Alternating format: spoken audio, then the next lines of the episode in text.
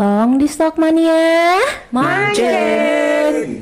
Jangan lupa ya, like, comment, subscriber. Halo, selamat malam semuanya. Kembali lagi bersama Halo. kami di podcast Wong di Stock. Yeay. Kali ini bersama saya Wastu dan teman saya Putet sama teman saya Lana.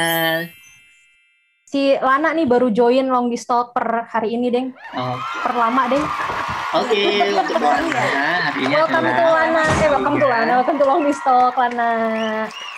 Pada Hai, ya besar Allah, Lan- Long di Stock. akhirnya. Gimana perasaan Lana untuk pertama kali siaran bareng Long Stock? Oh enggak yang pertama dong Bapak. Oh iya udah. Cuma udah. Tapi kan sekarang kan kamu sekarang kan kamu jadi host sekarang kan. Iya sih, akhirnya Hmm. sih. Itu gimana sih kal- kalian dulu mau mau mau banget gitu loh. Sebenarnya enggak ya gimana ya Lan? Butuh Ya udah. Ya, Jangan cerita, dijawab, ceritanya itu karena Wastu kan daripada gue jayus. Ya. Wastu kan jayus, terus butuh sesuatu untuk mengimbangi kejayusan itu. Makanya Jadi kita, dikatakannya eh, Lana. Lana. Jadi saya Betul. Wastu secara pribadi memohon minta tolong kepada Lana supaya saya nggak terlihat garing-garing amat lah ya. Oh. Diimbangkan tolong diimbang. Iya. Ya udah kalau gitu habis ini gue bubar habis ini ya. Ya jangan dong.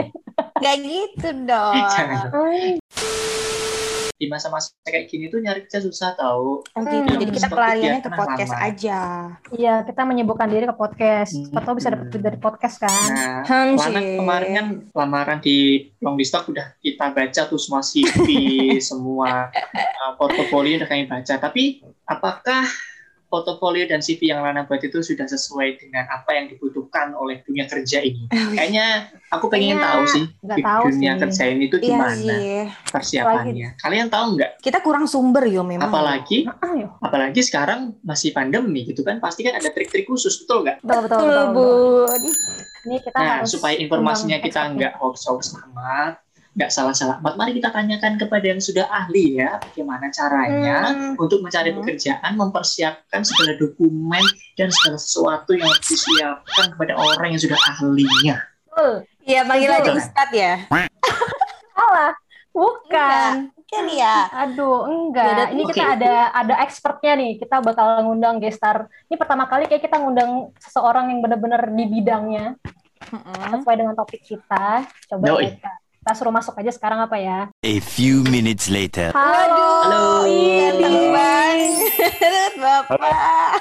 Bapak masih muda gue. Oh. Halo, Yudi. Mas Halo semuanya, ya? Putet, Lana, Pas Mas Wastu. Panggilan Mas aja ya? Tuh, Mbak boleh. Oh, Mbak boleh. Mbak Was. Boleh, boleh. Oke, gimana nih? Sekarang sekarang nih udah kita udah kedatangan tamu, ya kan tamu setelah sekian lama kita baru siaran lagi.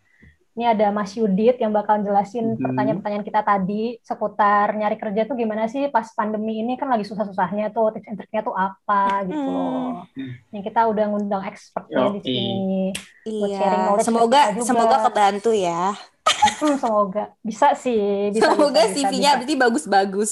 Iya, habis Oh, ini gitu bisa ya? lah. Heeh. Kita aku mau nanya dong, Apa tuh? Nanya apa tuh? Kamu ganteng banget sih. Kenapa kamu ganteng banget? Alhamdulillah. Itu pertanyaannya nih. Oh, Bos tuh mau nanya itu sebenarnya katanya. Saya Yudit, Yudit sibuk apa? Yudit, Yudit sekarang kerjanya di mana sih? Ya, sibuknya gini-gini aja lah. Oh, Pokoknya lagi, lagi WFH juga ya? lagi WFA juga. Karena kan sekarang ya tahu sendiri lah ya, di Jakarta kan lagi PPKM nih. Jadi ya udah, Mm-mm. kerja di rumah Hmm. aja. Walaupun di tempat Betul, gue ini masuknya yang sektor kritikal ya, karena kan Mm-mm. gue kan kerja di salah satu perusahaan makanan ya. Kalau Hmm. makanan-makanan tuh masuknya yang kritikal. Sebenarnya nggak wajib WFH sih, cuman karena eh, apa namanya dari kebijakannya di kantor gitu ya udah. aku mau nanya, ini kan tadi di- kita lagi di awal-awal udah bahas nih orang teman-teman kita tuh yang nyari kerja tuh banyak kan sekarang. Terus Hmm. kalau misalnya orang nyari kerja sekarang itu rekrutmennya tuh ada nggak bedanya di masa pandemi dengan sebelum pandemi? Menurut Mas Yudit gimana? Kondisinya Hmm. sekarang di kantor juga gimana gitu loh, Dit? Kan mungkin kantor beda-beda kali ya? Kalau ngomongin rekrutmen sih yang jelas eh, apa namanya beda banget ya. Apalagi Hmm. semenjak COVID nih dari kapan ya? 2020 nggak sih COVID tuh? Mm, mm, mm, betul, betul, betul. Dari mulai pertengahan 2020 itu ya sebenarnya agak susah sih. Karena challenge-nya kan kalau kita rekrut selama pandemi kan kita agak riskan buat datengin datengin Hmm. kandidat ya. Kandidat kan Hmm. biasanya kita invite uh, Hmm. untuk datang gitu kan. Cuman selama Hmm. setahun ini ini kan udah hampir setahun ya. Ya pastinya agak-agak susah sih. Ya emang sekarang Hmm. udah banyak media ya. Hmm. Semenjak COVID kan tiba-tiba ada Zoom gitu kan. Ada banyak Hmm. aplikasi kayak Google Meet. Mm. Beberapa perusahaan Hmm. juga pakai. Cuman itu nggak efektif 100% juga gitu loh. Pastinya ada habit baru lah kalau di orang-orang HR ya, khususnya yang di rekrutmen, habit barunya itu gitu. Iya, dibilang susah sih ya susah-susah gampang gitu. Karena kan kita juga butuh kandidat yang emang requirement-nya in physically misalkan gitu kan. Mm. Iya, itu iya, kan benar, juga challenge juga buat kita gitu loh. Sedangkan apa regulasinya ya kita nggak nggak ah, intinya harus protokol ketat lah gitu. Apalagi orang asing masuk kan susah-susah gampang lah. Terus kalau misalnya Oh. fisik banget tuh, Dit, terus lu suruh dia berdiri nggak? Eh mbak berdiri mbak. mbak berdiri coba mbak jalan, nengok kanan, nengok kiri. Oh, jalan Kayak gitu nggak sih, gitu. Iya, kalau rekrutmennya fisik gitu gimana? Ke model. Ya. Ya by the way gitu. itu juga juga apa ya? Juga pernah juga itu kita kayak gitu. Demi Cuman ya Allah. nggak nggak yang yang sampai 100% harus berdiri gitu-gitu. Enggak sih, kita paling lebih tanya kayak kan di situ kan kelihatan beratnya berapa, terus Hmm. tingginya Oh. berapa. Apalagi tahu kita pakai Proporsional gitu ya? kan. Pakai Iya. cam jangan-jangan dia gitu loh.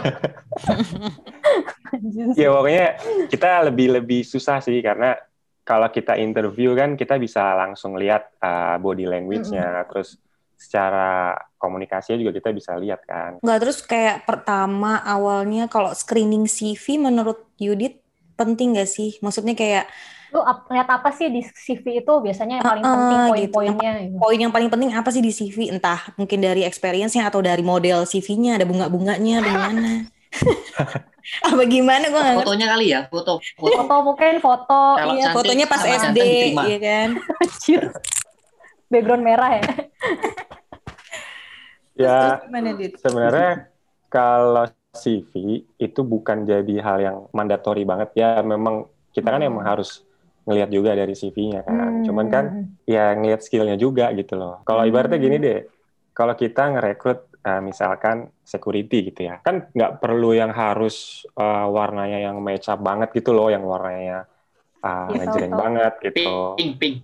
Iya, maksudnya tergantung juga gitu loh. Kesel Atau banget kita security. kan ngerekrut misalkan staff biasa gitu ya, mesti yang Hmm. level leveling staff gitu. Hmm. Yang pasti kalau CV itu uh, apa namanya subjektif lah. Percuma CV Hmm. lo bagus tapi uh, skill yang yang lo punya nggak sesuai sama requirement kita gitu loh.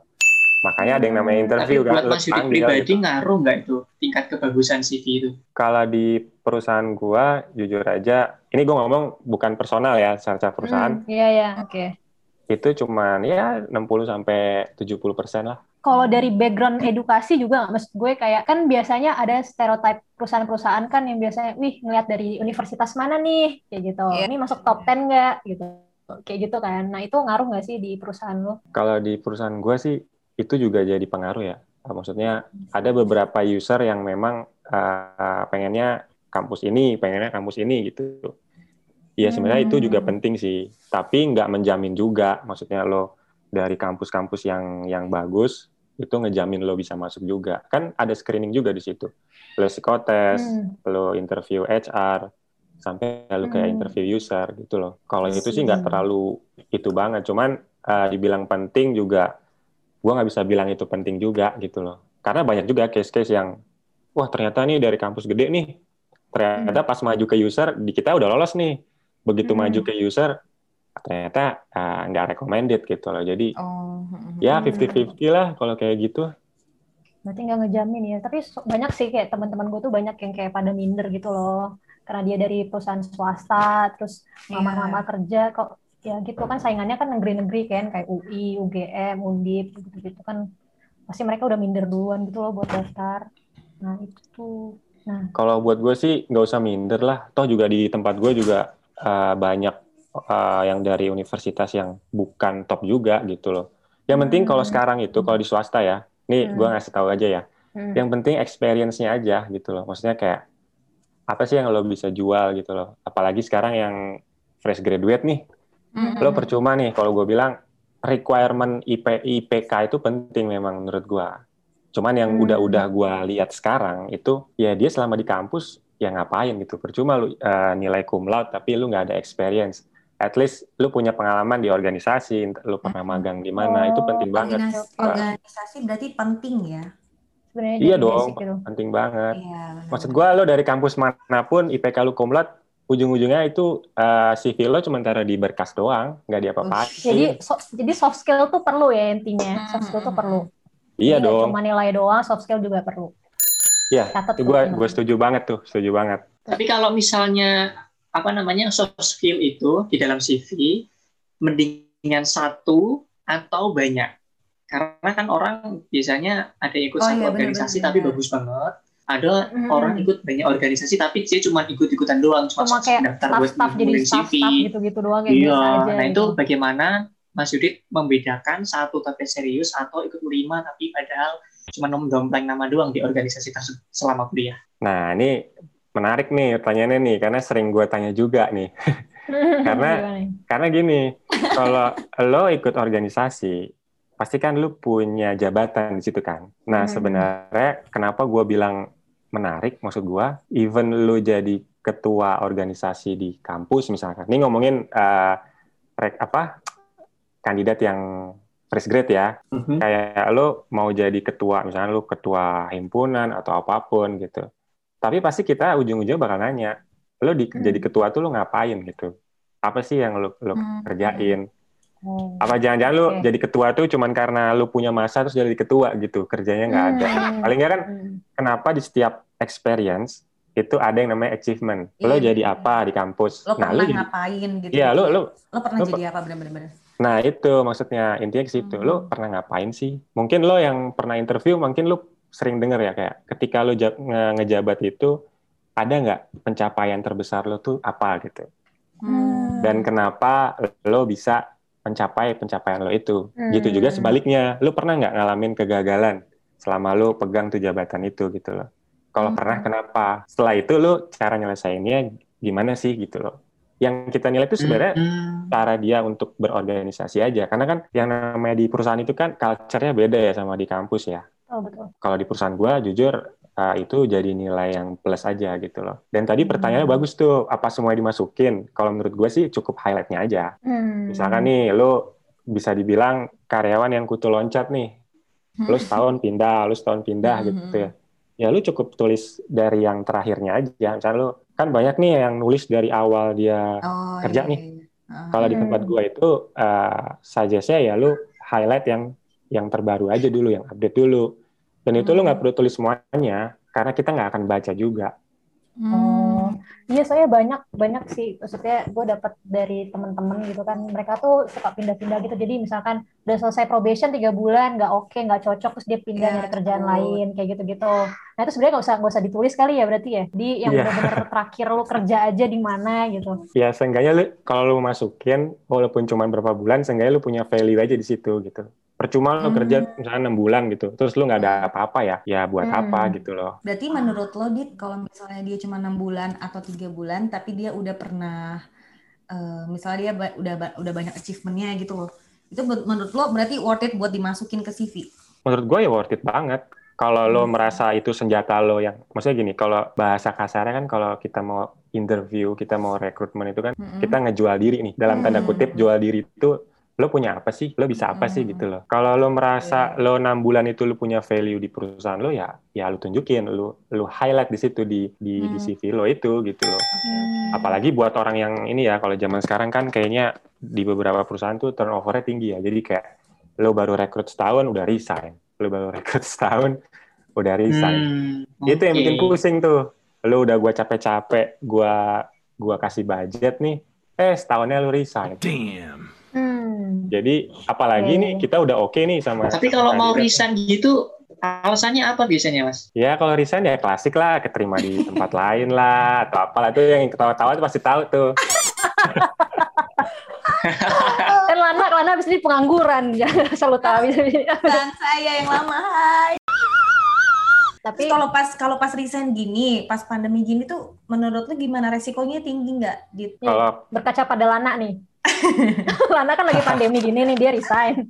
Itu Nah. gimana tuh? kalau menurut gue pribadi sebenarnya agak agak riskan ya kalau misalkan lo resign di waktu yang sekarang nih. Karena jujur kalau kita ngomongin di swasta ya swasta tuh perusahaan-perusahaan agak ngeri juga gitu. Karena gue juga punya teman yang di HR di food and beverage company juga, ada yang di startup juga. Intinya mereka pun juga sama, masih agak riskan juga untuk untuk ngerekrut juga gitu loh. Karena kan pandemi ini sebenarnya lo ngerekrut tuh pakai duit loh. Jadi kalau perusahaan lo lagi turun juga, industrinya lagi turun juga kan mikir dua kali mau ngerekrut. Iya, iya. Kecuali lo udah benar-benar mantap, oh ini perusahaan yang mau gue tempatin ini emang worth it nih kalau gue ninggalin ke kerjaan gue sebelumnya gitu loh. Terus uh, Mas Didi pernah meleset nggak ini Mas memprediksi orang ini orang kayaknya bagus nih dari segala aspek dari segi bagus, Hmm. dari skill bagus, wawancara Hmm. bagus, ganteng, bohai gitu. Enggak Tapi setelah bohai. masuk nggak bohai ngapain nyari bohai masuk, juga sih ternyata kepribadiannya ganti gitu, nggak ketahuan pas profesi. tiba-tiba zong gitu maksudnya Nah. ya kan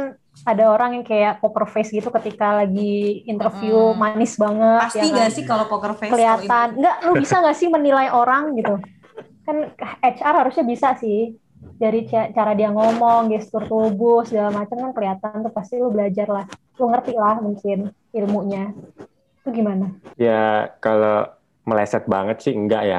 Karena kan yang namanya kita rekrutmen kan ada banyak uh, tesnya tuh dari mulai soft skill-nya, technical skill-nya. Biasanya kan kalau kita kan screening awal tuh psikotes kan. Dan psikotes itu kita nggak semuanya kita kasih. Ada beberapa posisi yang oh alat ini nggak perlu nih, oh alat ini nggak Hmm. perlu nih.